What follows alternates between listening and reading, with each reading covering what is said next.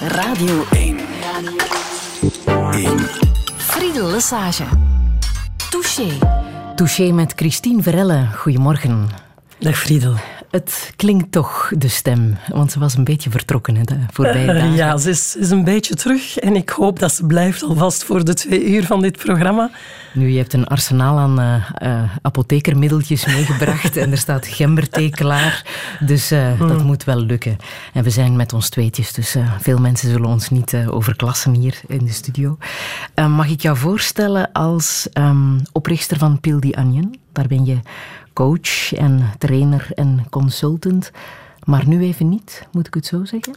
Eh, ja, als je daar zo over spreekt, inderdaad, eh, dat is nog steeds zo. Maar tegelijkertijd klinkt het op dit moment eh, voor een stuk ook ver weg. Omdat ja, op dit moment, het afgelopen jaar, ja, hebben mijn leven overhoop gehaald en hebben heel veel in teken gestaan van op een of andere manier zin te geven aan hetgeen dat er gebeurd was. En dat is ehm, enerzijds gebeurd door een burger, burgerbeweging die tot stand is gekomen, eh, mede door mijn initiatief en die Circles We Have the Choice noemt. En anderzijds ehm, een foto-expo voor Jan van Steen, eh, mijn man, die ook een gepassioneerd fotograaf was en die op punt stond om ermee naar buiten te komen en door de bomaanslag dat niet meer heeft kunnen doen. Uh, en dat probeer ik nu toch uh, het licht te laten zien. Dus dat is op de voorgrond geweest. Maar niet tegenstaande dat ben ik wel blijven werken, inderdaad. Uh, met Pieldianje in organisaties. En ook met ehm, mijn psychotherapiepraktijk thuis voor particulieren. Ja, want vorig jaar, 22 maart, is jouw leven inderdaad behoorlijk overhoop gehaald door de aanslagen in uh, Brussel, waar Johan het leven liet. Hoe beleef je nu die dagen uh, die voorbij zijn, de dagen die gaan komen? Woensdag, 22 maart, is het één jaar geleden. Hoe beleef je deze dagen? Ja, het zijn heel intense dagen. Het is niet dat het een jaar heeft stilgelegen en dat het plots er terug is. Het is eigenlijk dag op dag dat ik uh, heb geleefd met mijn, met mijn vragen, met het gemis, uh, met mijn verdriet, met de pijn, maar ook met uh, de mooie dingen die het tegelijkertijd tot stand brengt en ook het, het paradoxale van die twee. En 22 maart, um, het voelt aan als, als het, ja, het afsluiten van een, eerste cyclus um, na de dood van Johan, maar ook na de aanslagen. Ik ben me heel bewust dat er uh, die aanslagen vele mensen hebben uh, getroffen, ofwel rechtstreeks, ofwel uh, van verder in onze samenleving. En ik ben ook bewust dat iets gelijkaardigs gebeurt op heel veel plekken in de wereld. En ik, voor mij is het moment om weer even stil te staan. Um, en omdat er na verloop van tijd, dat ik voel dat er toch in de samenleving een tendens ontstaat van uh, laat ons verder leven met uh, hetgeen dat er dan bij komt, laat ons het even vergeten. Um, en voor mij is belangrijk dat uh, het verder leven is heel belangrijk, maar ook dat we ons blijven herinneren waarom dat we hier zijn en zulke heftige gebeurtenissen als 22 maart uh, kunnen ons daarbij helpen. En dus ook de rituelen die we hebben om daar even bij stil te staan. Mm. Hoe zou jij jezelf omschrijven? Hm. Als een uh, gewone vrouw. Uh, die probeert zo ja, midden in het leven te staan. Met alles erop en eraan in het nu. Um, en die ja, uh, graag in het leven wilt bijten en de, het niet wilt omkeren dat het leven in mezelf, in mezelf bijt. Ja, je zei uh, op voorhand aan levensmotto's doe ik niet, maar je hebt er toch een paar hele mooie doorgestuurd. Eentje van Rainer Maria Rilke, leef je vragen en wie weet leef je ooit je antwoorden. Welke waarheid schuilt daarin? Ja, heel mijn leven al ben ik uh, gefascineerd door de kracht van vragen en ik heb er ook een heleboel uh, verzameld. Vragen die vanuit verschillende origines komen. Uh, creatieve vragen, vragen uit zen-boeddhisme, vragen uit systemische vragen. Omdat die gewoon door te vragen, ieder op zich een ander stuk op ons op weg helpen, eigenlijk naar een ander stuk antwoord. En nu ook deze. Uh, ik herinner me mijn leven dat, ook mijn leven met Johan, dat er veel momenten waren dat ik mij afvroeg van, ja, hoe, hoe is het nu eigenlijk tussen ons en hoe dicht of hoe ver of hoe, hoeveel liefde uh, is er? En we zijn bewust ook niet gehuwd om het mogelijk te maken dat we ieder moment zouden voelen wat we voor elkaar betekenden en waarom dat we voor elkaar bij elkaar blijven. En ik had het zo niet kunnen bedenken dat ineens met die harde slag, uh, wat er gebeurd is op 22 maart, het afschuwelijke voor Johan, voor, mezelf, voor anderen, dat ineens uh, ik midden in dat antwoord was, dat ik niet meer moest nadenken over wat, ja, hoe diep is onze relatie ineens. Uh, nam de liefde zelf het woord. En dat oversteeg mij. Um, dus dat was um, ja, een, heel, een heel mooi uh, antwoord op een van die diepe vragen die ik mij tevoren vaak had gesteld. Mm, vragen, dat is de basis van Touché. Leef je vragen Leef en de rest komt wel. Mm -hmm. ja. Christine Verelle, welkom in Touché. Dank je. Radio 1. Radio 1. Friedel Lesage. Touché.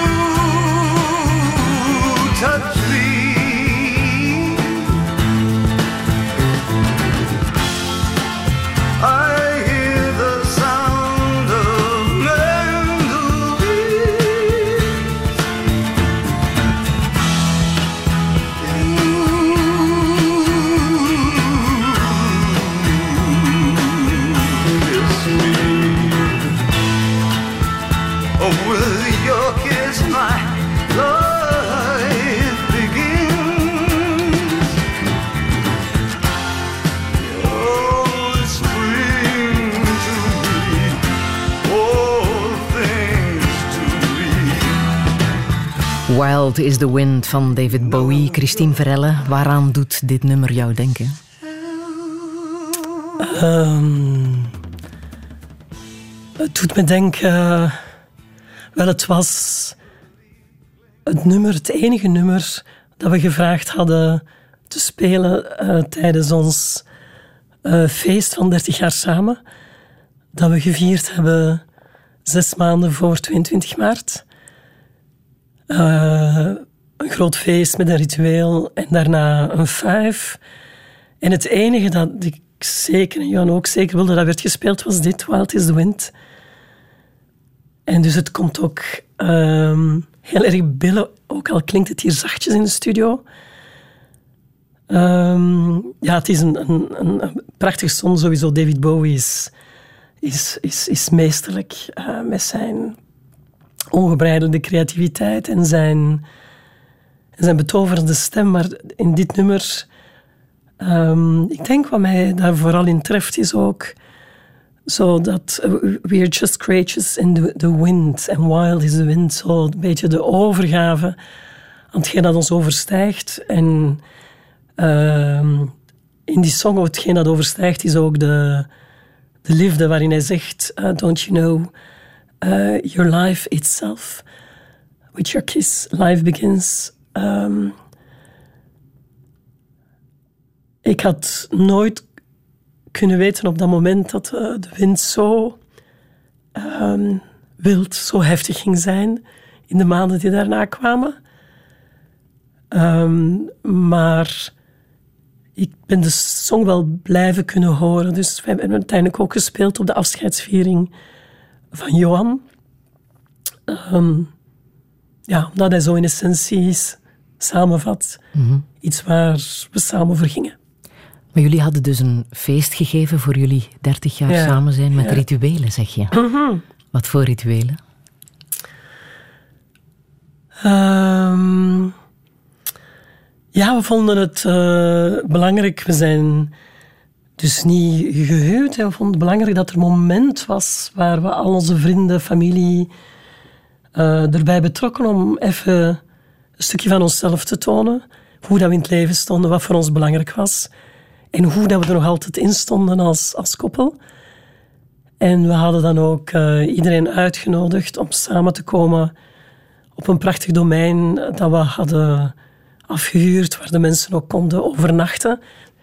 Um, en waar we mee starten was, iedereen had een, uh, een object uh, en een zinnetje of een zinnetje mee dat iets zei over hoe dat ze naar ons keken. Um, en daarna hadden we ook, ik geloof dat er vijf objecten waren in het midden gezet, die zeiden over ons, over ja, ons in relatie de afgelopen periode. En er waren mensen van verschillende werelddelen. En we hebben ze dan laten mengen in groepjes, mensen die elkaar niet zo goed kenden. En de opdracht was, ieder kon één object uitkiezen en uh, verzinnen, verhalen, wat dat object over ons zei. En daarna werd dat teruggebracht naar het midden.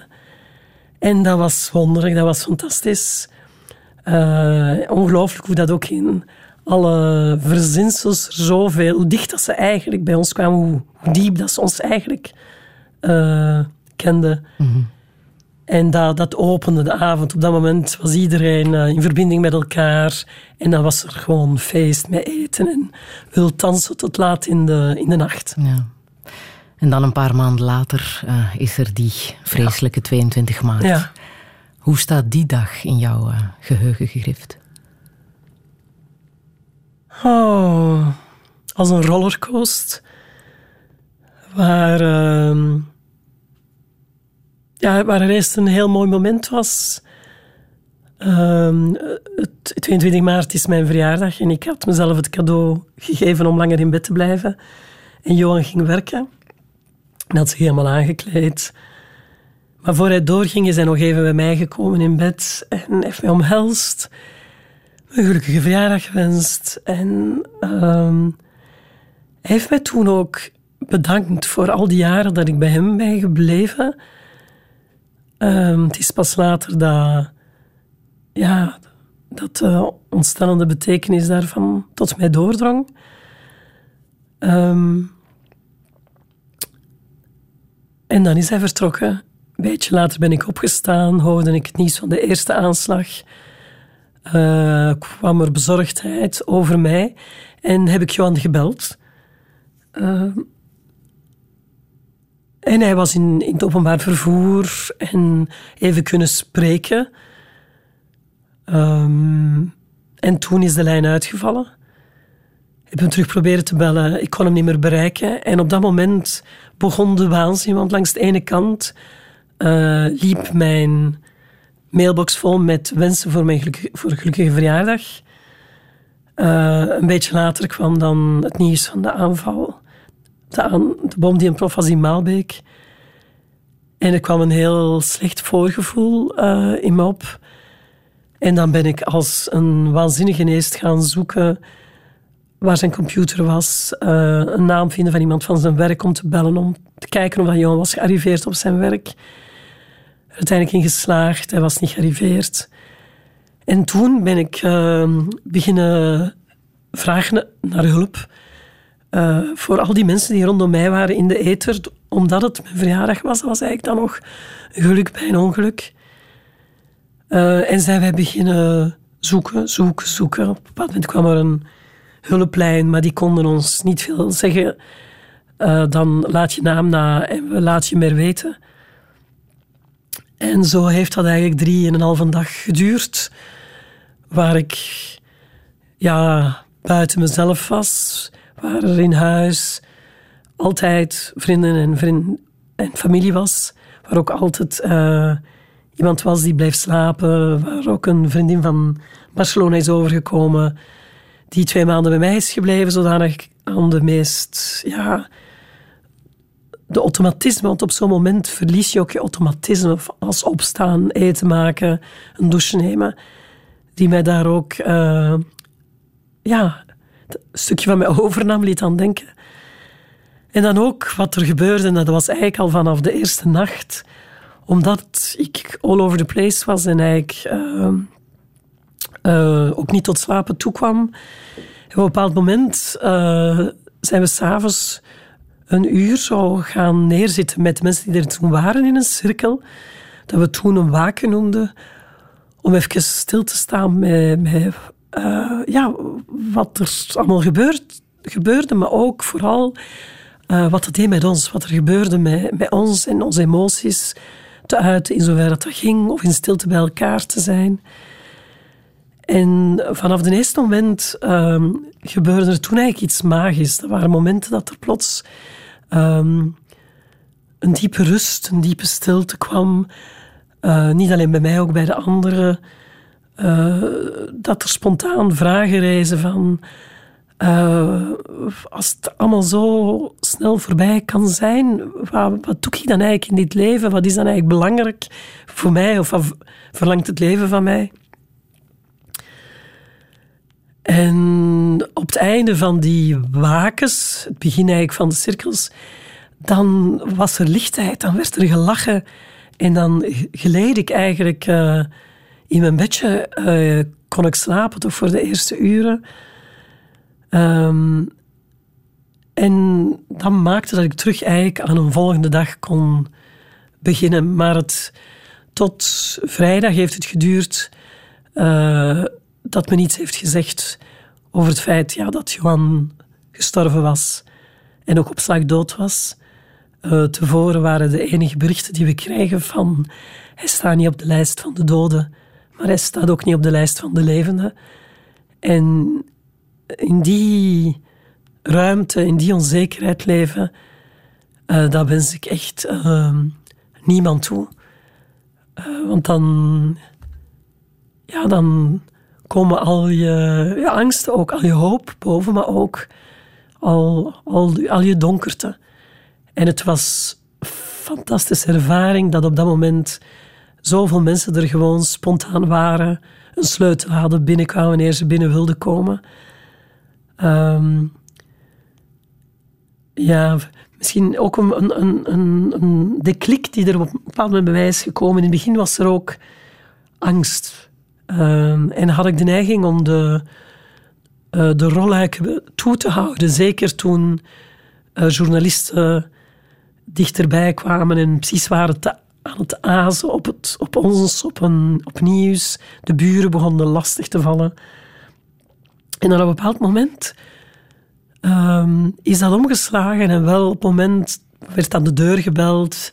En de automatische reflex, ik, ik, ik, ik verstopte mij achter een muur en een vriendin ging open doen. En dat bleek toen de, de burgemeester van ons dorp te zijn. En toen dacht ik, ja, Christine, gaat dan maar, gaat dan maar eens luisteren. Dus ik ben gegaan.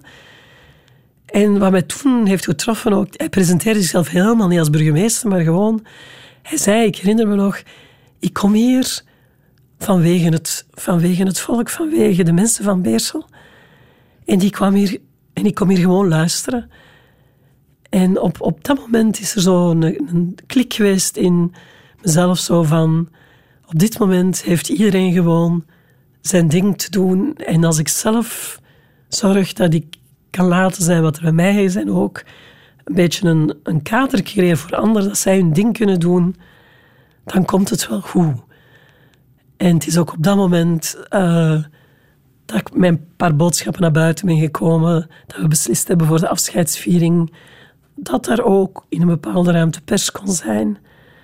Uh, dus dat is voor mij echt een, uh, een groot moment van, van transformatie geweest, dat ik de angst heb kunnen opzij zetten.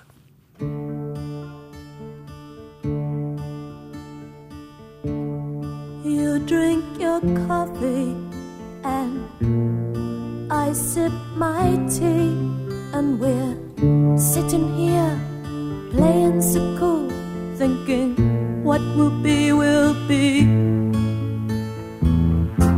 But it's getting kind of late now.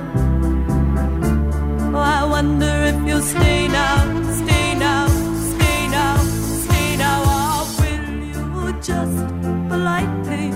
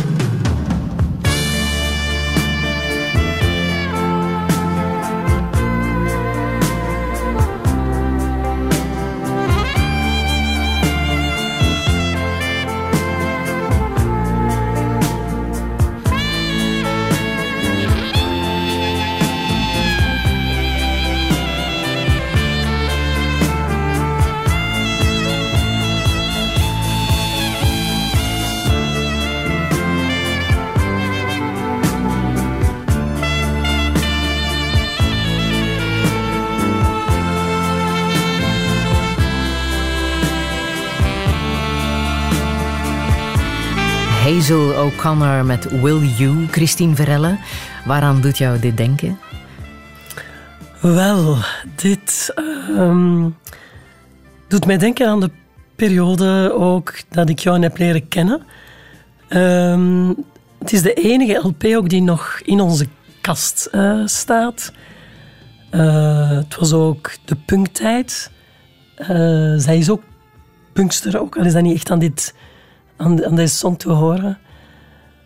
Um, en het doet mij denken, ook in de song gaat het erover, aan zo die, die ja, dat ont, ontluiken van verliefdheid, van, van verlangen, um, van de onzekerheid die erbij komt, de stunteligheid, zoals zij ook zegt in haar, um, in haar song, zo...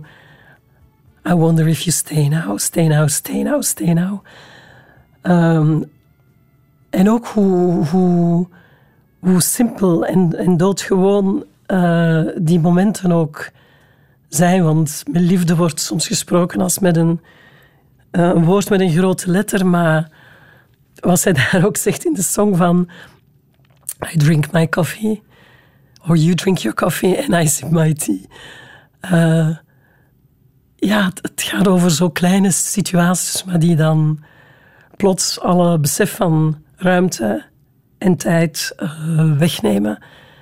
Dus daaraan doet het mij denken. Ja, en die stay now, stay now. Stay now, ja. is iets wat Johan ook op een briefje heeft geschreven. Ja, ja, ik moet zeggen, ik, eerlijk had, eerder had ik de link niet gelegd tussen uh, dat briefje en deze, deze LP. Maar uh, Johan en ik hebben elkaar leren kennen op het toneel. We speelden samen theater. En op het einde van uh, die periode van theaterspelen had ik zo het gevoel, ik wil niet dat die man uit mijn leven verdwijnt. En ik had het dan niet beter gevonden van hem en nog wat andere mensen uit te nodigen om nog, nog uit te gaan die avond. En op het einde, er waren nog andere mensen, uh, stak hij plots een, een, briefje in mijn handen. Uh, wat ik hoop dichtgevouwen briefje en ik vouwde het open en daar stond één woord geschreven. Blijf. En ja, dat was het, het, het overwoord. Dus dat heeft mij volledig, volledig ontwapend. En dat is waarschijnlijk de, de kortste liefdesverklaring die ik ken. Maar de mooiste ook wel. En ja, de mooiste. Mm Daar is het ook allemaal begonnen. Jullie deelden uh, de liefde voor literatuur. Hè? Je hebt ja. zelf uh, gestudeerd. En hier liggen ook uh, boeken, onder andere van Toon Tellegen. misschien moet je eerst even vertellen dat dikke boek. Dat is zo'n prachtig verhaal. ja. Um, het zijn de brieven. Het zijn brieven aan Doornroosje van Toon Tellegen. En het is een cadeau dat Johan mij gegeven heeft voor een van mijn vorige verjaardagen. En uh, het boek uh, bestaat uit brieven die de prins aan Doornroosje heeft geschreven. En eigenlijk iedere dag van het jaar um, een brief. De prins die op weg is naar Doornroosje, die zoveel uh, jaren, honderden jaren is aan het slapen. En de prins die niet weet of Doornroosje wel bestaat, of, door, of hij Doornroosje ooit zal ontmoeten, of Doornroosje ooit zal wakker worden. En wat ze dan wel zal doen als uh, is wakker gekust. Um, en ik vond dat fantastisch. Maar toen ik het kreeg, heb ik ook gezegd: Dank je, maar uh, zou je me alsjeblieft iedere avond ook zo'n brief kunnen voorlezen? Dus de, de brief van de dag. En dat heeft hij toen dat jaar ook gedaan. Elke avond? Elke avond. Heeft hij jou voorgelezen? Ja, eerlijk gezegd waren het ook een paar avonden dat ik er dan even niet was of hij niet was. En dan is dat mooi ingehaald. Maar het was wel een ritueel uh, dat jaar. Ja. ja prachtig. Ja. Het andere is, is het dunne boekje van Toon Tellegen. Uh, ja, het is het, het, boek Maar kom wel terug. Uh, dat ik recent door een vriendin heb leren kennen. En de titel alleen al natuurlijk komt al binnen. en daar is ja, één, één verhaaltje dat mij, dat mij diep heeft getroffen. Mhm. Zal ik het... Zeer graag. Als de stem het toelaat en anders maak je het maar af. Het is het verhaaltje van de slak en de schildpad. De slak en de schildpad zouden in elk geval nog steeds op weg zijn, dacht hij, toen de springkaan uit zijn gedachten was verdwenen.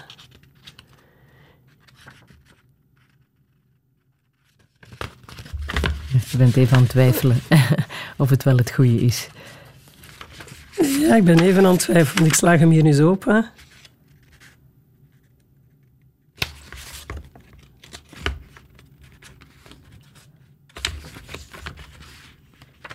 Zoeken we hem anders eventjes op. Om, ja, ga ik doen. Om straks te lezen. Ik zal hem straks lezen. Ja, dan zoeken we hem even terug. Um, ook The Passion van uh, Janet Winterson hebben jullie gezamenlijk gelezen, hè? Uh, ja, um, dat is een bijzonder boek. Ja, Janet Winterson is gewoon een bijzondere schrijfster. en het, er is één zinnetje uit dat, dat Johan ook alsmaar bleef herhalen. Een heel mysterieus zinnetje. En dat is zoals bij die vragen waar ik daarnet van sprak dat je ook kan blijven opkouwen waar dan altijd nieuwe betekenissen uitkomen. En dat zinnetje is: I tell you stories, uh, trust me. En voor mij, uh, nu ook met uh, wat er gebeurd is, wat er mij iedere keer terug binnenkomt, het gaat eigenlijk niet um, over, wat er, over de feiten, over waarheid. Waar het wel over gaat, is over uh, vertrouwen. In hoeveel kan ik vertrouwen in wat, wat met er nu is, daarmee te leven. Dus no truth, uh, maar trust. I tell you stories, trust me. Dat is ook wat in het werk van Pirandello zit, hè? waar jij op gewerkt hebt in je studentenperiode. Uh, ja, klopt. Ehm, en weet je, het is uh, zo vreemd is pas als je terugkijkt op je leven. En voor mij ben ik nog maar halfweg naar mijn aanvoelen. Maar dat je plots merkt dat er een, een rode draad is. En dat het ook makkelijker wordt om te zien uh, de richting dat je eigenlijk bent aan het gaan. En, uh, het is nog niet zo heel lang geleden dat ik terugdacht aan een thesis die ik ooit heb geschreven uh, over Pirandello. het ging over Il Teatro nel Teatro. Uh, dus theater in theater. Uh, ik ben ook romaniste, dus het uh, was toen heel sterk met Italiaanse literatuur bezig. En wat mij daarin fascineerde, uh, was zijn serie. Die ging eigenlijk over theater in theater, waar personages ook theater beginnen spelen. Um, en mij bepaald heb ik het stuk van Enrico Quattro genomen. Um, die speelde dat hij gek was en uiteindelijk ook gek werd. En, uiteindelijk, uh, toen zijn gekheid over was, het is beginnen verder spelen en dat personages rondom hem een context begonnen te creëren dat hij in zijn gekheid kon, kon verder leven. En wat er mij zo in trof, en waar ik voel dat ik nu nog mee bezig ben, is dat in, in fictie die samen gecreëerd en gedeeld wordt, dat er eigenlijk uh, um, de essentie naar boven komt, de diepere waarheid naar boven komt. Dat merk ik ook in uh, mijn psychotherapiepraktijk. Uh, dat is ook het onderwerp geweest van een, een, een werk dat ik heb geschreven rond helend spelen, waar het uh, juist in die dimensie uh, van het doen alsof is van het, het, het spel, uh, dat zo de relatie, de therapeutische relatie helend kan zijn. Dus op het moment dat je niet meer probeert uh, heel sterk iets te zijn of de dingen probeert te controleren als je loslaat en via je verbeelding uh, ja, uh, dingen toelaat, dan kom je bij de essentie. En dat is waarschijnlijk ook waarom ik zo van, van kunst, van muziek, van literatuur en gewoon van spelen hou.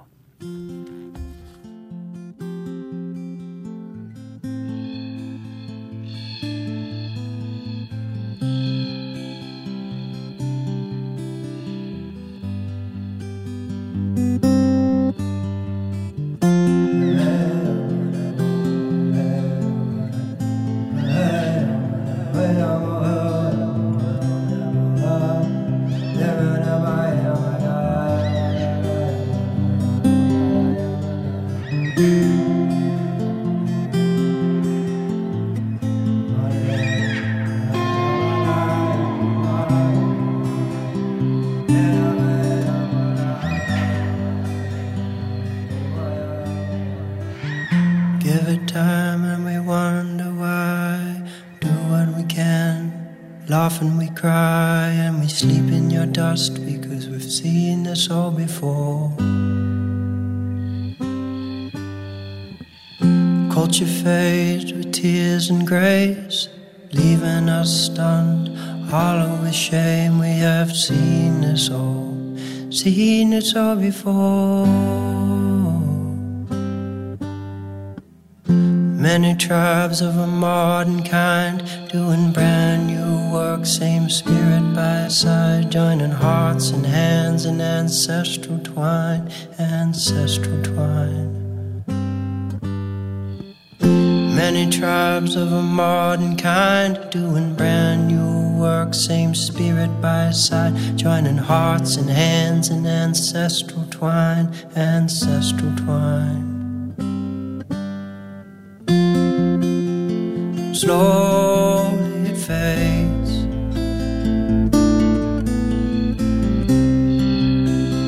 Slowly we fade.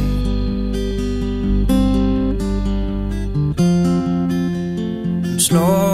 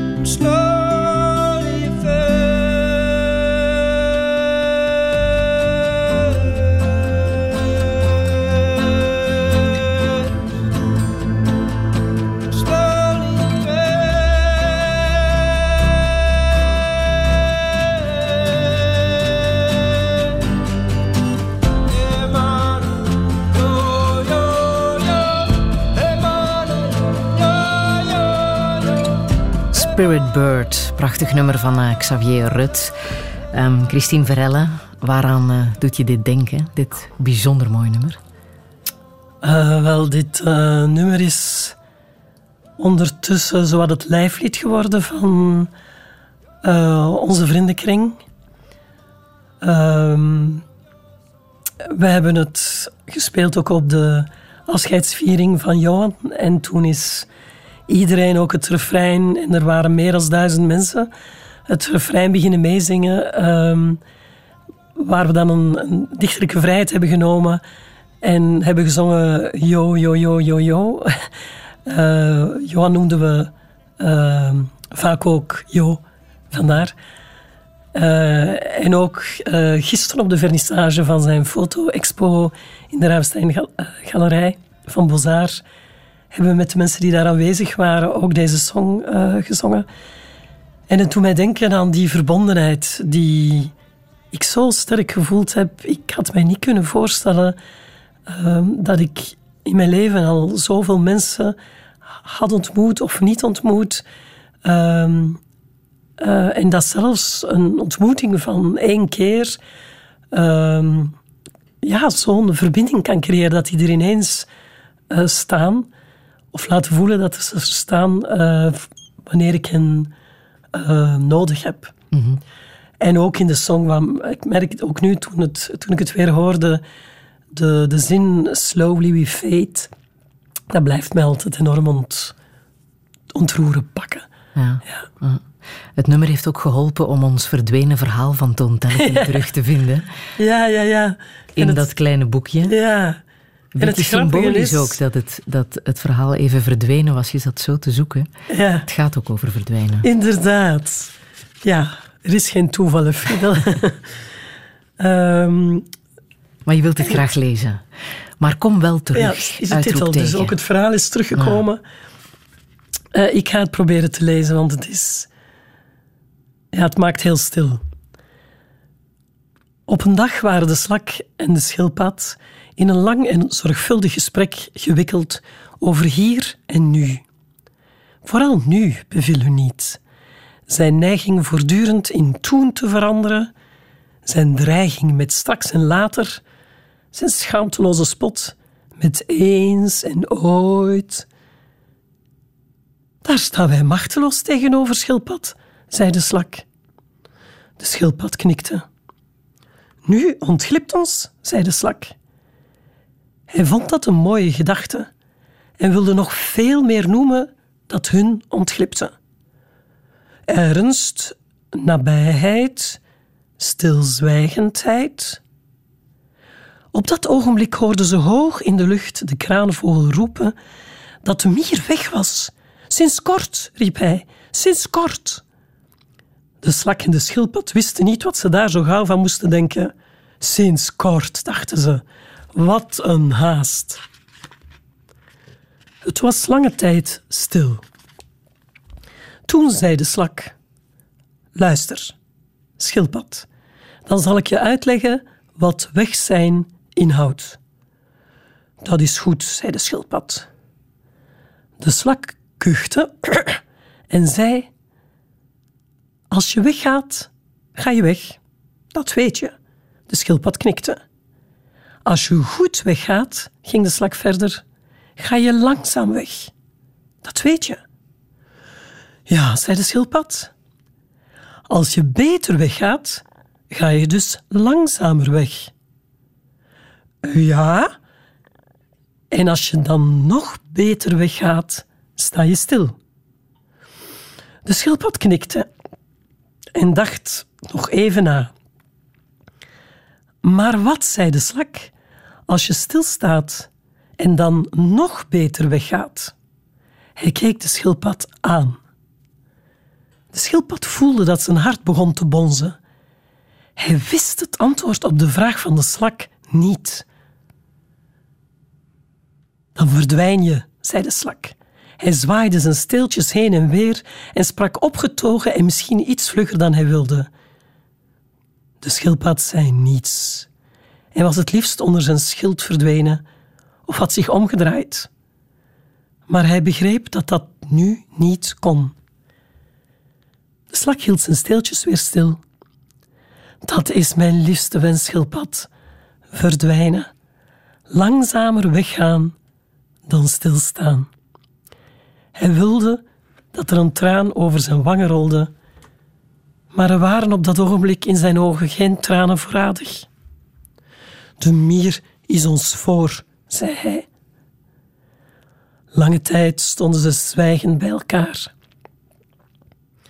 Toen zei de slak: Maar onze tijd komt nog. Hij had daar graag een trage danspas bij gemaakt, maar hij bleef staan. De schildpad zweeg.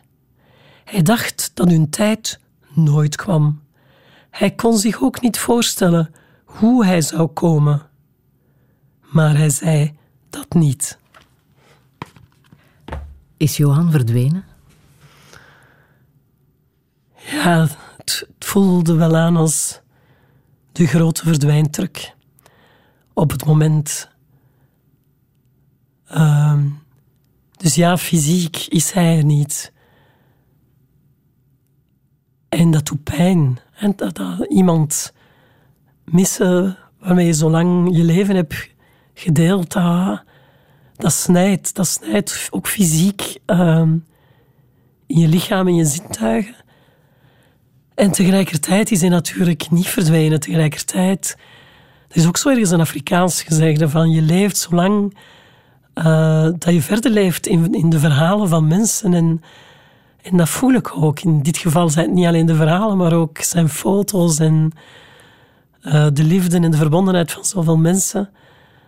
Dus in zekere zin uh, is, hij, is, hij, is hij er nog en voel ik hem ook nog sterk en doet mij eraan herinneren hoe belangrijk het is om verder te leven. Want Ehm, die boodschap heeft hij mij toch, het is een dag op voor, toch nog wel meegegeven.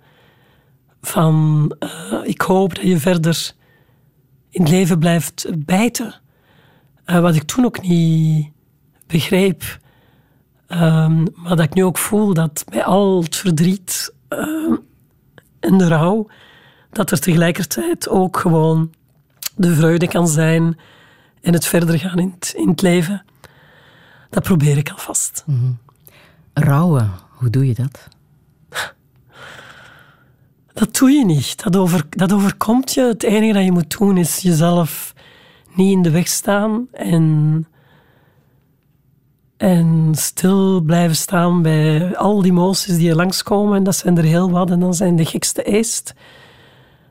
En alle emoties hebben hun plaats. Of dat het nu uh, kwetsbaarheid of uh, machteloosheid of boosheid of uh, sterk verlangen is. Um, en wat helpt is om het niet alleen te doen. Omdat er iemand anders is die het, die het mee kan opvangen en die meetrilt bij je verdriet. Van op dat moment, dan wordt het lichter en dan verdwijnt een stuk het verdriet. En dan komt er achteraf natuurlijk terug een golf van rouw. Maar het is zoals de zee, het is komen en gaan. Mhm. Helpt muziek? Helpt muziek? Heel zeker. Ik weet, voor sommige mensen heb ik ook gezien bij de cirkels, die hebben maanden en maanden vermeden om nog naar muziek te luisteren, omdat dat zo binnenkomt, omdat je uh, zoveel, omdat het zoveel emoties vrijmaakt en dat je er niet kunt tegen verzetten. Maar voor mij heeft uh, muziek geholpen. Mm Jazzmuziek ook vooral? Ook jazz. Want jazz, dat is een, een bijzondere passie, hè? Je speelt zelf jazz, of speelde? Ja, op dit moment ligt het allemaal even stil, maar het is een... Ik heb wel, behalve naar muziek geluisterd, heel veel in mijn leven muziek gespeeld, piano. En eerst was het lang klassiek en toen, Johan was al met zijn saxofoon met jazz bezig. En piano is een vrij eenzaam instrument en ik had zin om met anderen te spelen. En heb ik geprobeerd om jazz te spelen. En tot mijn grote verwondering is dat gelukt. Ook al voelde in het begin dat ik opnieuw moest leren lopen. Omdat uh, de taal gewoon volledig anders is. Excuseer. De stem laat het even afweten. Um, maar die jazz, de liefde voor jazz, um, komt nu ook terug in uh, die prachtige voorstelling van Andresa de Keersmaker. Uh, A Love Supreme op muziek van John Coltrane. Muziek die ik zo meteen ook nog even wil laten horen. Andresa de Keersmaker is jou voorgesteld. Ja, dat gebeurt er nu ineens. Komen er mensen die zeggen, je zou die moeten ontmoeten. En dat is echt gebeurd. En ik heb haar ontmoet en dat was op de voorstelling van Love Supreme. We zullen die muziek laten horen. Dan kan de stem even recupereren.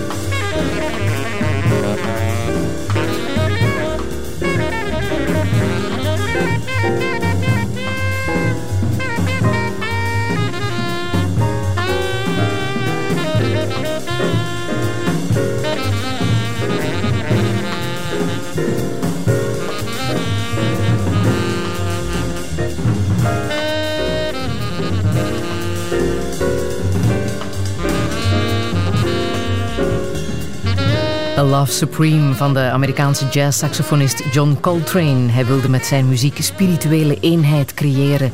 En dat is ook wat je ziet op het podium bij de voorstelling van uh, Anne-Theresa de Keersmaker. Op dit moment speelt ze in het buitenland met uh, die voorstelling. Uh, heel even komt hij ook nog naar Gent in april. Zometeen, tweede deel van Touché. Radio 1. Radio 1. Friedel Lesage. Touché. Touché vandaag met Christine Verelle, coach, trainer en consultant bij Peel the Onion. Vorig jaar, op 22 maart, uitgerekend op haar verjaardag, verloor ze haar partner bij de aanslagen in Brussel. Er volgden dagen van onzekerheid, maar ook van verbondenheid. Een jaar later wil ze de herinnering aan Johan warm houden via een tentoonstelling met zijn prachtige foto's en wil ze het contact tussen mensen, ook wildvreemden, versterken door haar project Cirkels. Want het is in het verdriet dat we het meest met elkaar delen. Dit is Touché met Christine Verella. Goedemiddag. trying to find you. Oh, as I walk through. You're hiding in the corners of my mind. Never fear, I'll be close behind. My only love, I'll follow behind you. I won't go without you. I know your love weighs heavy on my heart, but you are my only counterpart.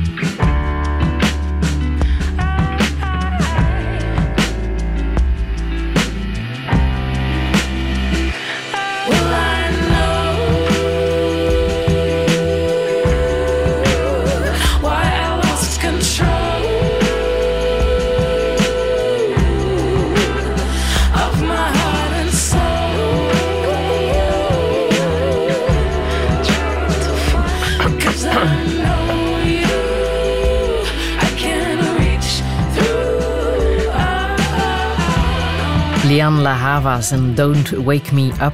Christine Verelle, nog een beetje aan het hoesten wegens uh, heese stem, want het is jou vergeven. Ehm, je bent naar een concert van haar geweest, hè?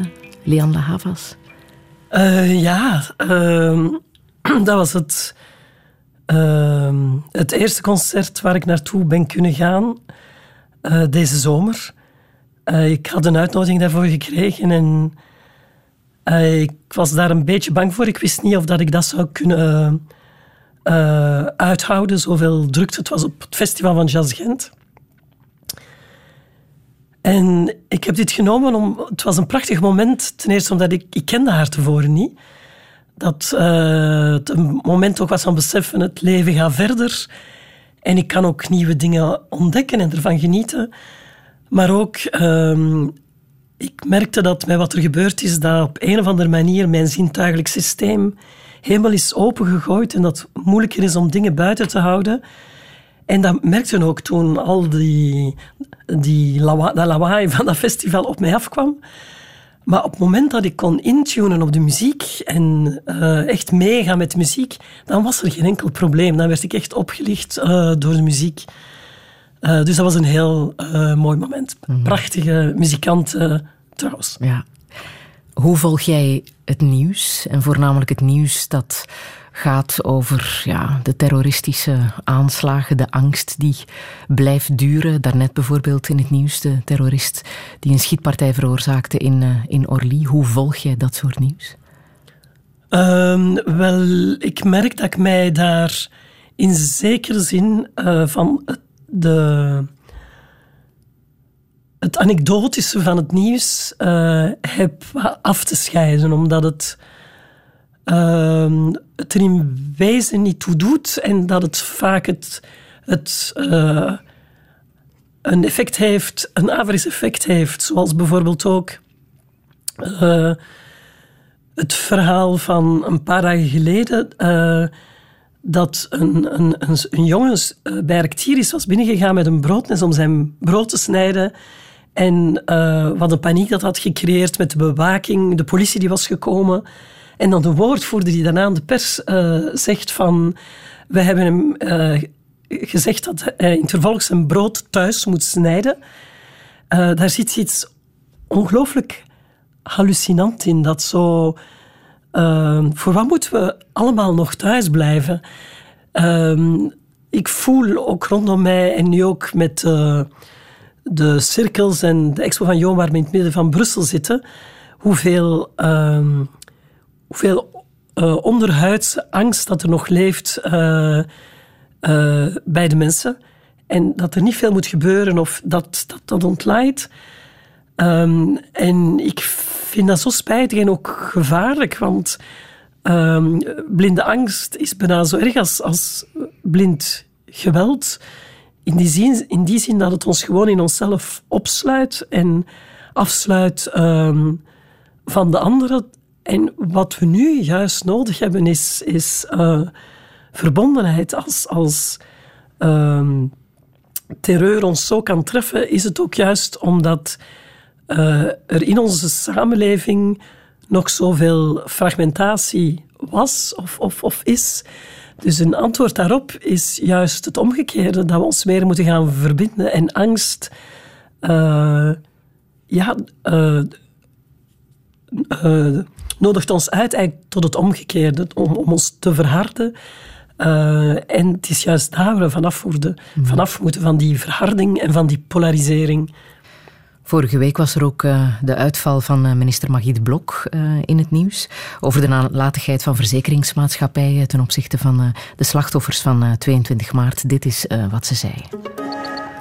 Bijna één jaar na de aanslagen op de luchthaven van Zaventem en in metrostation Maalbeek is nog maar één op de zes slachtoffers uitbetaald. Minister De Blok vindt dat de schuld van de verzekeraars. Dat is ontolereerbaar omdat dat toch wel een ernstige impact heeft op die mensen die toch eigenlijk moeten voor hun terugbetaling van medische kosten, prothesen enzovoort, dat die schade moet vastgesteld worden en dat zij zo dreigen voor een tweede keer het slachtoffer te worden. Touché. Christine Verelle, welke ervaring heb jij met administratie, met verzekeringen? Uh, ja, dat is, uh, dat is een leidersweg na, naast de andere leidersweg geweest. Um, omdat daar uh, weinig ehm, hulp was en is we hebben zelf eigenlijk op een bepaald moment de, de, pers moeten aanspreken. Um, en dat is dan via Victim Support Europe gegaan om aan de noodrem te trekken. En ik was daarmee initiatiefnemer van om te zeggen we zijn aan ons slot overgelaten. En daar is administratie één, één ding van. Het andere is gewoon dat we emotioneel aan, aan ons slot uh, zijn overgelaten. en het is waar, uh, daar zijn de verzekeringen spelen daar een belangrijke rol in. Uh, maar we moeten ook niet de zwarte piet naar hen alleen doorschuiven. het is even zozeer aan de mensen die verantwoordelijk zijn in ons land. Ehm, men is veel te laat aanwezig geweest om te zeggen, eerst en vooral om zich te verontschuldigen van, wij hebben het niet kunnen uh, voorkomen, sorry. En ten tweede, om te zeggen, we, zijn er voor jullie. We gaan al zorgen dat we een stuk uh, van de miserie kunnen wegnemen door bijvoorbeeld een stuk uh, te zorgen dat de, van de financiële steun bijvoorbeeld sneller komt of dat je hulp krijgt met al hetgeen dat er op administratie moet gebeuren. Mhm. Dus het is echt wel een moeilijke. En wat je ziet is dat Ehm, ook eh, in de slachtofferorganisatie V-Europe, dat ehm, doordat er zo, zo lang geen hulp is geweest, dat ehm, mensen in hun, eh, sommige mensen in hun trauma zijn blijven zitten en dat er nog altijd heel veel boosheid is die niet weg kan, omdat er niet sneller eigenlijk iemand aan de andere kant was om te luisteren. Mhm. En dat vind ik heel spijtig. En daar uh, hebben we als samenleving een verantwoordelijkheid. Want het gaat niet alleen over uh, persoonlijke trauma's. Uh, het gaat hier ook over een collectief trauma.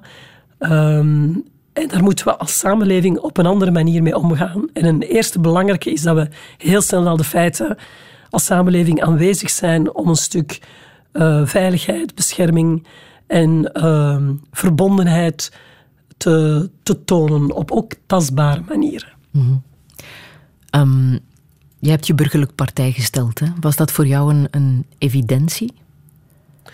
Uh, nee, op dat moment luister ik ook naar mensen die rondom mij staan. En zij zeiden me, als je wilt op de hoogte worden gehouden van uh, het onderzoek, dan heb je dat te doen. En dat is de reden waarom ik mij burgerlijk partij heb gesteld.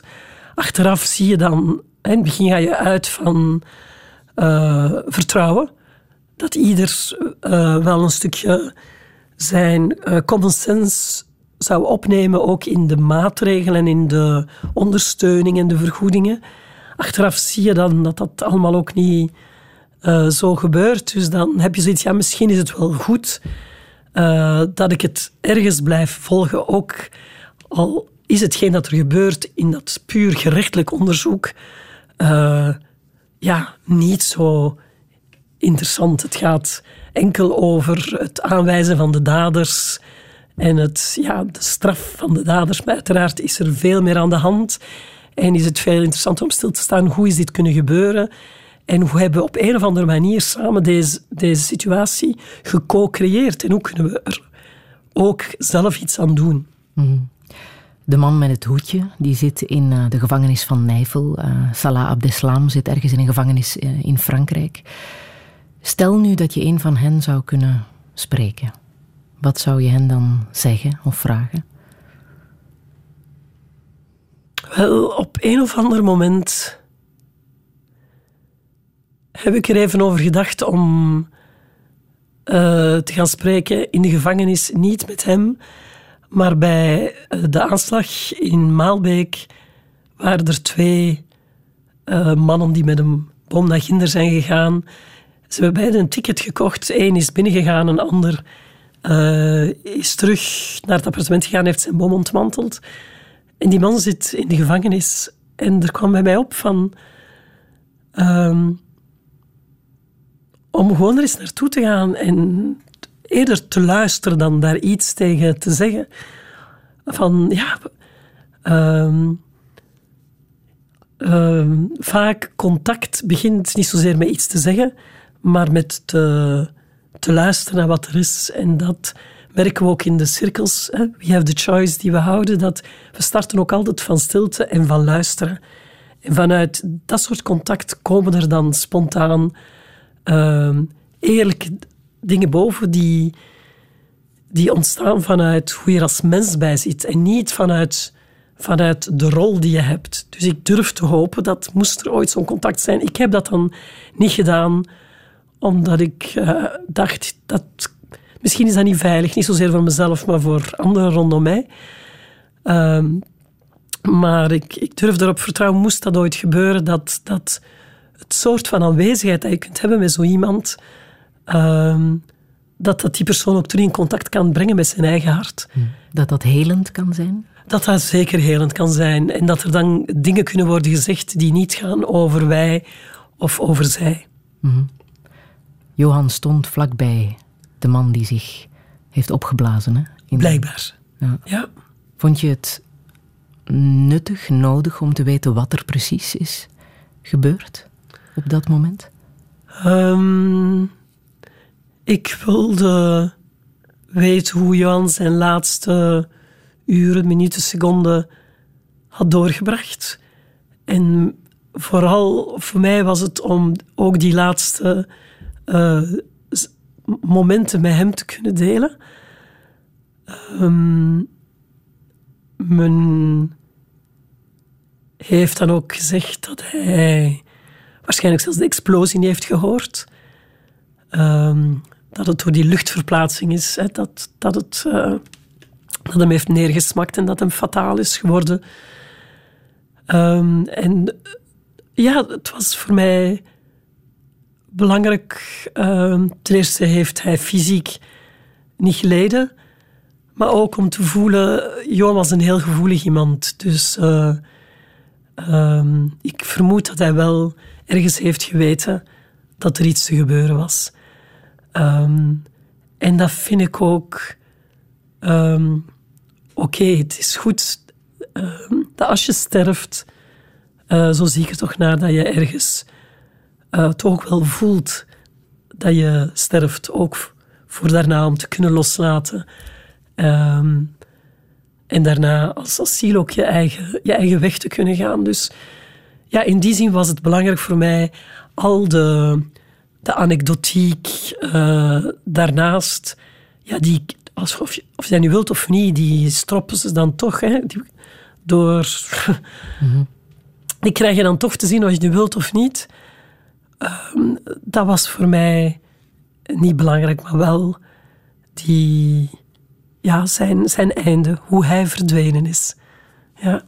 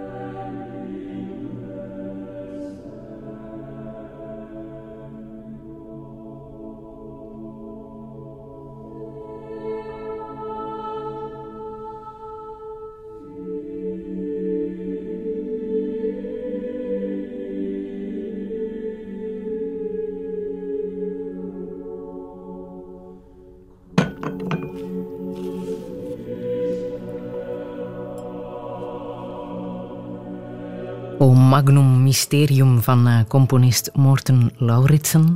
Christine Verelle, je hebt zo'n ongelooflijk mooie muziek gekozen. Dit is wel een heel bijzonder uh, lied, hè? Het heeft mm. ook een bijzondere betekenis ondertussen. Uh, ja, het is ook muziek die ik na de dood van Johan heb leren kennen.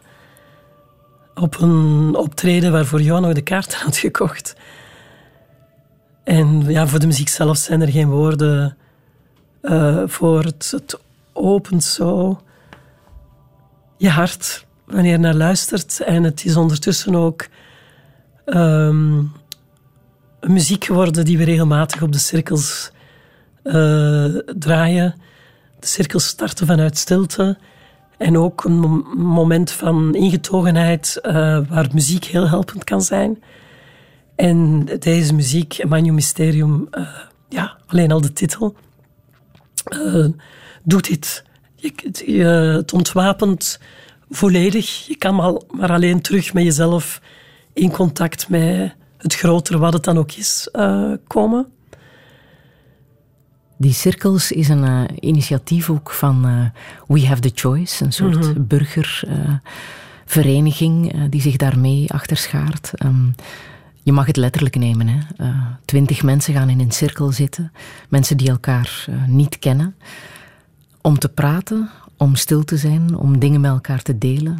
Um, wat gebeurt er precies in zo'n cirkel?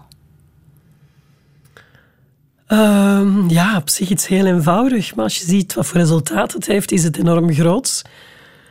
Um, mensen komen daar naartoe omdat uh, ze in deze tijden van toch wel harde tijden hè, van uh, polarisering, fragmentering, blind geweld voelen dat ze op een of andere manier geraakt zijn. Dat kan van dicht zijn, maar dat kan van heel ver zijn.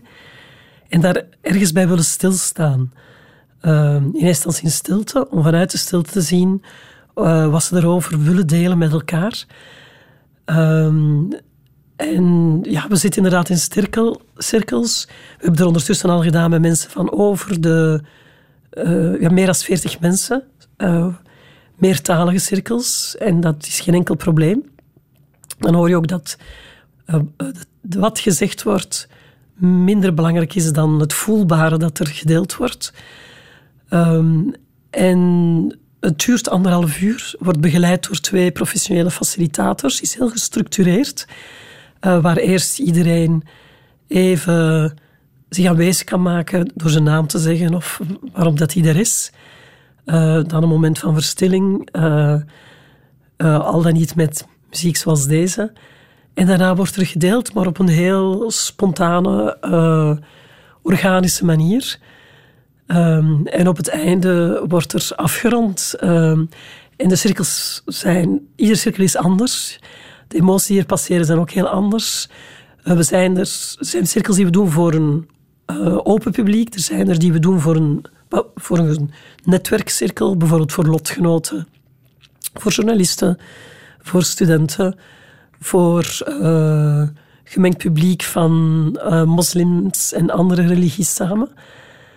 Um, en het mooie is dat iedere keer die, al die, die, die maskertjes die we hebben, en, waar we ons soms achter verstoppen en waarvoor dat we vechten, dat die vallen.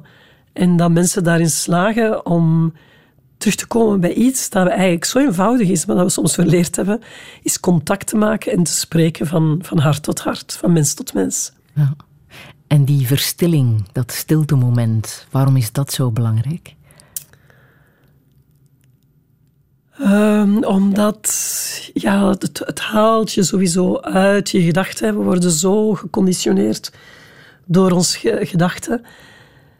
En het brengt ons terug bij onze innerlijke stilte, uh, die er altijd is, maar waar we, hollen onszelf zo voorbij. En zaken zoals angst maken ook dat we ons daar gewoon voor afsluiten. Maar als je stil bent, uh, het hoeft zelfs niet lang te zijn, plots uh, ben je dus terug bij die innerlijke stilte. En als je daar bent, dan komen de dingen boven die wezenlijk zijn. En zeker als er bij jou een paar mensen zijn die in diezelfde modus gaan en die bereid zijn op dezelfde manier uh, daar te zijn en contact te maken. Mm. En voel je ook aan de mensen dat er nood is aan dit soort initiatieven? Heel grote nood. Ja. Heel grote nood. Dat horen we van, van iedereen die komt. Dat horen we ook van iedereen die zou willen komen, maar nog niet durft komen.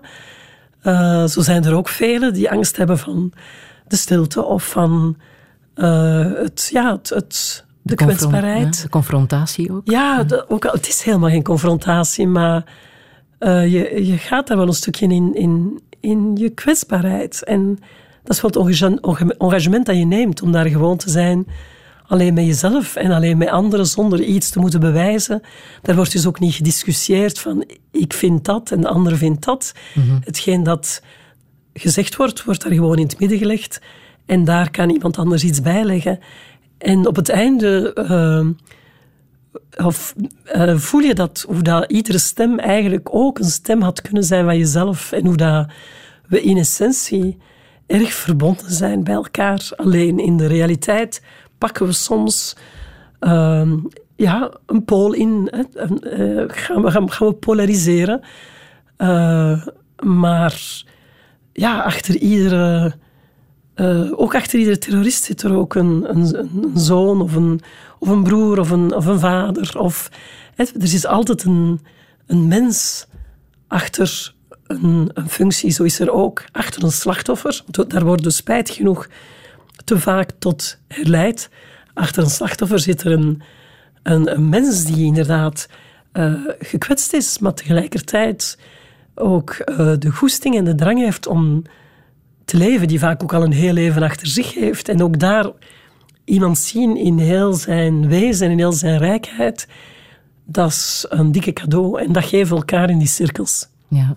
En die zijn ontstaan uh, omdat je zelf die cirkels hebt uh, um, ja, gehad uh, meteen na de dood van, van Johan. Ja. Um, ondertussen zijn er al verschillende geweest. ja, al meer dan... Ik denk dat er al meer dan 500 mensen ondertussen ja. deel hebben genomen. Ja. 22 maart worden ook een paar cirkels georganiseerd. Klopt. Welke plannen heb je daar nog meer mee? Wel, iets dat steeds terugkomt en misschien ook wel een beetje zo uh, een, een, motto is geworden, is stap per stap. Ik heb het gevoel dat ik alleen maar in het moment kan leven en dat het in het ene moment het andere moment zich uh, aankondigt. En van zodra dat ik begin te plannen of te beslissen, uh, dat ik uit die, die verbondenheid ga. Dus uh, ik weet het niet waar het ons zal leiden. Ik weet wel, en ik spreek echt van ons, want Circus of the Choice is niet alleen ik, is een hele groep van, van mensen die, van, die nog is aan het aangroeien. Ja. Die ieder op zijn manier iets wil bijdragen aan een, een, nieuwe verbondenheid en menselijkheid die we enorm uh, nodig hebben. En jullie uh, noemen zichzelf ook niet voor niets We have the choice. Hebben we de keuze? Uh, ja, daar is zo een, een diepe intuïtie bij mij, maar ook bij de anderen die, die zich ja, mee in beweging zetten, dat wat ons er ook overkomt, dat we altijd de keuze hebben hoe dat we ermee omgaan. En dat, dat er ook geen toeval bestaat. Dus dat we ook met een soort mildheid kunnen kijken naar hetgeen dat ons overkomt. Um, en zien uh, wat we ermee te doen hebben. Hoe zinloos dat het ook lijkt, dat er toch ook altijd een uitnodiging, uitnodiging achter ligt om er een zekere betekenis aan te geven.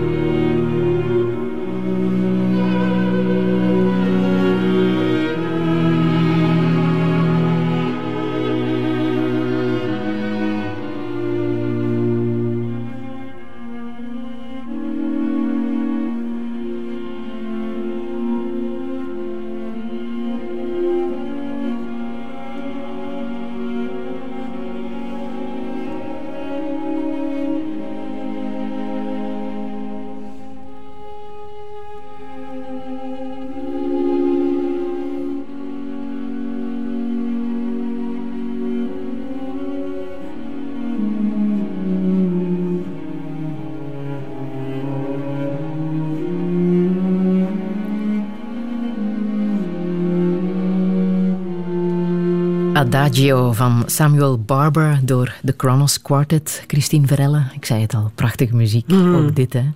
Dit is zo bijzonder. Dit is heel bijzonder. En uh, ook uh, zou ik de luisteraars willen aanraden om dit stuk echt tot het einde te luisteren. Dan komt er een enorme crescendo die bijna niet houdbaar is, maar bloedmooi. Uh -huh. Ik zou zelfs aanraden om de tien cd's van de Kronos ja, Quartet aan te schaffen en te beluisteren. Ja, vele cd's daarvan en Jo en ik zijn ook uh, naar veel van die live optredens van hen geweest. En ze hebben mij ook veel van de hedendaagse muziek leren kennen. Door het echt live te beleven, uh, heb ik het alvast leren appreciëren. En dan de Adagio is voor mij ook zo... Um, net als de slak en de schildpad waar ik daar net over sprak. Zo iedere keer weer een, een uitnodiging naar de traagheid, waar ik van nature uh, uh, ja, de, de kunst versta om nogal heel prestissimo te gaan en op vele lagen tegelijkertijd aanwezig te zijn. Dus dat adagio is zo helend. voilà. Waarin geloof jij? Um, ik geloof in de goedheid van de mens, um, die naar boven kan komen in ieder van ons als, als die maar gezien wordt. Um, ik merk dat ik mij niet wil identificeren met een of andere uh, geloofsvorm. Ook al heb ik uiteraard hè, mijn roots in, in, in het christendom uh, kom ik uit een heel christelijk gezin. Um, maar ik voel mij in essentie een, een vrije, um, spirituele ziel. Um, en tegelijkertijd, en wat betekent dat? Dat, dat ik gel, ja, geloof, of mijn woorden zijn dat ik er vertrouwen in heb dat er iets groter is dat ons overstijgt. en waar ik me ook aan uh, wil overgeven. Ook al is dat niet altijd uh, makkelijk. Maar van als religie een vorm wordt, creëert het ook uh, gemakkelijk polarisering en de strijd. En ik merk dat, ja, dat ik daar ver vanaf wil blijven. Mm -hmm. Is er iets na de dood? ja, uh, dat weten we niet, hè? dat weet ik ook niet. Um, en ik vind het mooi al die verhalen te horen. Uh, ik, ik, voel ook wat ik nu voel. Ik voel. Um, um, de lichtheid is er ontstaan in. Uh, als ik met Johan contact maak. Um, dus mijn gevoel is, ja, dat er waarschijnlijk misschien iets is. Maar wat precies, uh, daarvoor hebben we eerst te sterven. En uh, dat geldt voor mij, maar dat geldt voor iedereen. Mm -hmm. En ook daar maak ik mij op zich niet zoveel zorgen over. Uh, ik vind het belangrijker om dit leven zo goed en zo kwaad als het kan uh, te leven en de rest zal wel dan daaruit volgen, mm -hmm. zoals het antwoord ook uit de vraag komt. Kan je nog genieten van het leven? Ja, ja.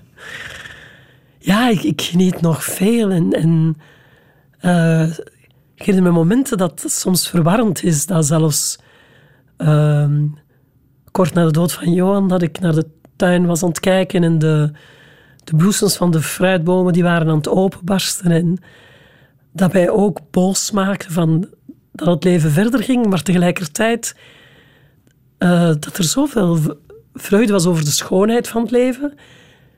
Uh, en een beetje daarna kwamen er vrienden, zijn we wandeling gaan doen in de natuur. En het was zo'n vrolijke lichtheid uh, dat ik dacht, als anderen mij nu zouden zien, ze zouden niet geloven dat, dat ik ook in diepe rouw ben. En ze zouden niet geloven dat die beide dingen tegelijkertijd zouden kunnen zijn. Dat je de slappe lach kunt hebben en tegelijkertijd uh, ja, dat er ook het, on, het snijdende gemis is en het verdriet. uh, om iemand. Daar hoef je geen schuldgevoel over te hebben. Nee, en daar heb ik ook geen schuldgevoel over. Maar uh, soms als je verplaatst naar hoe de blik van anderen, zou dat wel eens kunnen komen. Maar dat wil ik niet. Ik heb geleerd, en dat is ook niet dat, ik heb geleerd dat licht en schaduw samengaan. En mijn leven is nu ook ene clair obscuur geworden. Dus beide zijn tegelijkertijd aanwezig. En dat, kan, dat is intens en dat kan soms ook heel uitpuntend zijn. Maar anderzijds ontdek ik daardoor ook nu de, de diepte van het leven. Hetgeen dat het leven ook glans geeft. En daar ben ik ook voor een stuk dankbaar voor. Het is spijtig dat zoiets tragisch dient te gebeuren om meer in contact te zijn met het, het bloedmooie in het leven. Uh, maar ik wil dan ook genieten en, en dankbaar zijn voor ook het mooie dat er nu gebeurt. Mm. Clair Obscuur, dat is ook de titel van de tentoonstelling hè, van uh, Light Johan. and Shadow. Ja. Light and Shadow. Ja, alles komt samen. Ja. Hoe is het voor jou om nu naar die foto's te kijken die hij heeft gemaakt en waar jij ongetwijfeld vaak bij bent geweest? Hè? Ja. vele momenten tijdens de reizen. Uh... Ja, op, op momenten overweldigend, want natuurlijk heel... Ons leven passeert ook door die foto's. Uh, heel ontroerend. Uh, omdat ja, het ook foto's van, van, van diepe schoonheid zijn. Uh, en ook zo uh, verwonderd dat hoe dat foto's ook woordeloos uh, kunnen brengen. Wat bijvoorbeeld de cirkels nu op, op en We Have the Choice met met ontmoetingen en met woorden probeert te zeggen. Foto's, net als muziek en net als kunst, uh, kunnen zo zonder een shortcut naar de ziel gaan. Mm -hmm. Clair obscuur, uh, light and shadow. De foto's zijn te zien tot uh, half april in de Ravenstein Galerij in Brussel.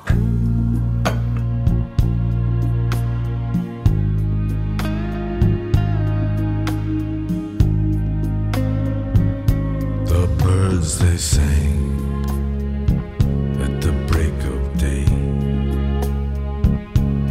Start again, I heard them say, Don't dwell on what has passed away or what is yet to be.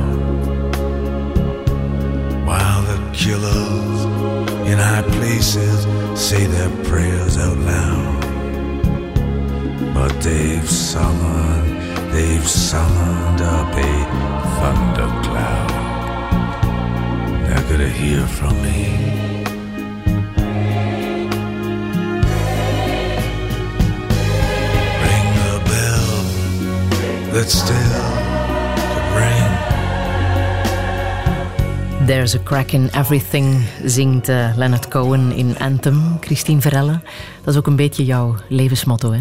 There is a crack in everything.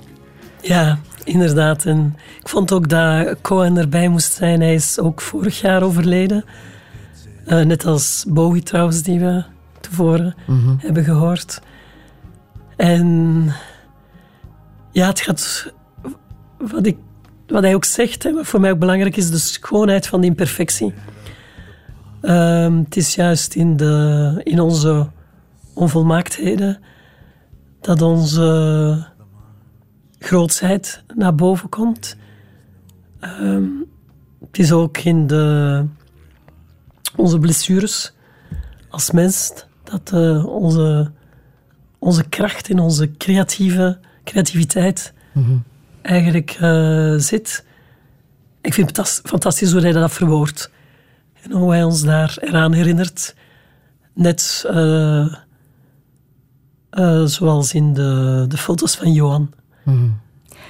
22 maart, jouw verjaardag, zal nooit meer een banale verjaardag zijn. Hè? Mm. Hoe zie jij jezelf oud worden? Oud worden? uh, weer stapje voor stapje, hè? uh, maar uh, ja, probeer te kunnen kijken naar elk, elke ervaring die erbij komt, maar ook elke rimpel die, er, die erbij komt en te blijven vieren. Dus daar heb ik ook voor mezelf een belangrijke beslissing genomen met hulp van mijn vrienden. Dus op 22 maart, zoals je kan voorstellen, het dagprogramma zit vrij vol. Hè, met vol, zal ik maar zeggen, met, met cirkels, met rituelen. Um, um, en op een moment vroeg ik mij af, maar ga ik ooit nog het voelen dat het ook mijn verjaardag is? En toen zeiden vrienden mij, ja, dat vieren we toch gewoon? En toen zijn we gaan grappen. Uh, maar de dag later heb ik daar ineens heel serieus beginnen nemen en gedacht, uh, bij, ja, ik wil dat ook vieren op die dag. Uh, en heb dat gezegd aan, hem, aan mijn vrienden en die hebben dat dan gewoon opgepakt. Dus einde van de dag gaan wij gewoon ongebreideld ook mijn verjaardag en met mijn verjaardag het leven vieren. Mm. Welke boodschap wil je hier nog meegeven? Um, ja, dat het, het leven ook uh, leren sterven is. en dat daar ook um, naast het loslaten, dat er ook veel schoonheid ongevraagd ermee op onze weg komt. En als we voor openstaan dat we ontdekken, dat heb ik alvast ontdekt, dat uh, rouw eigenlijk de andere zijde van liefde is. En eigenlijk de, de, de dood de andere zijde van, van leven. Um, dat wil ik meegeven. Ja. Ik denk dat er geen mooier stuk muziek is om hiermee te eindigen. Um, Stabat Mater van uh, Percolesi.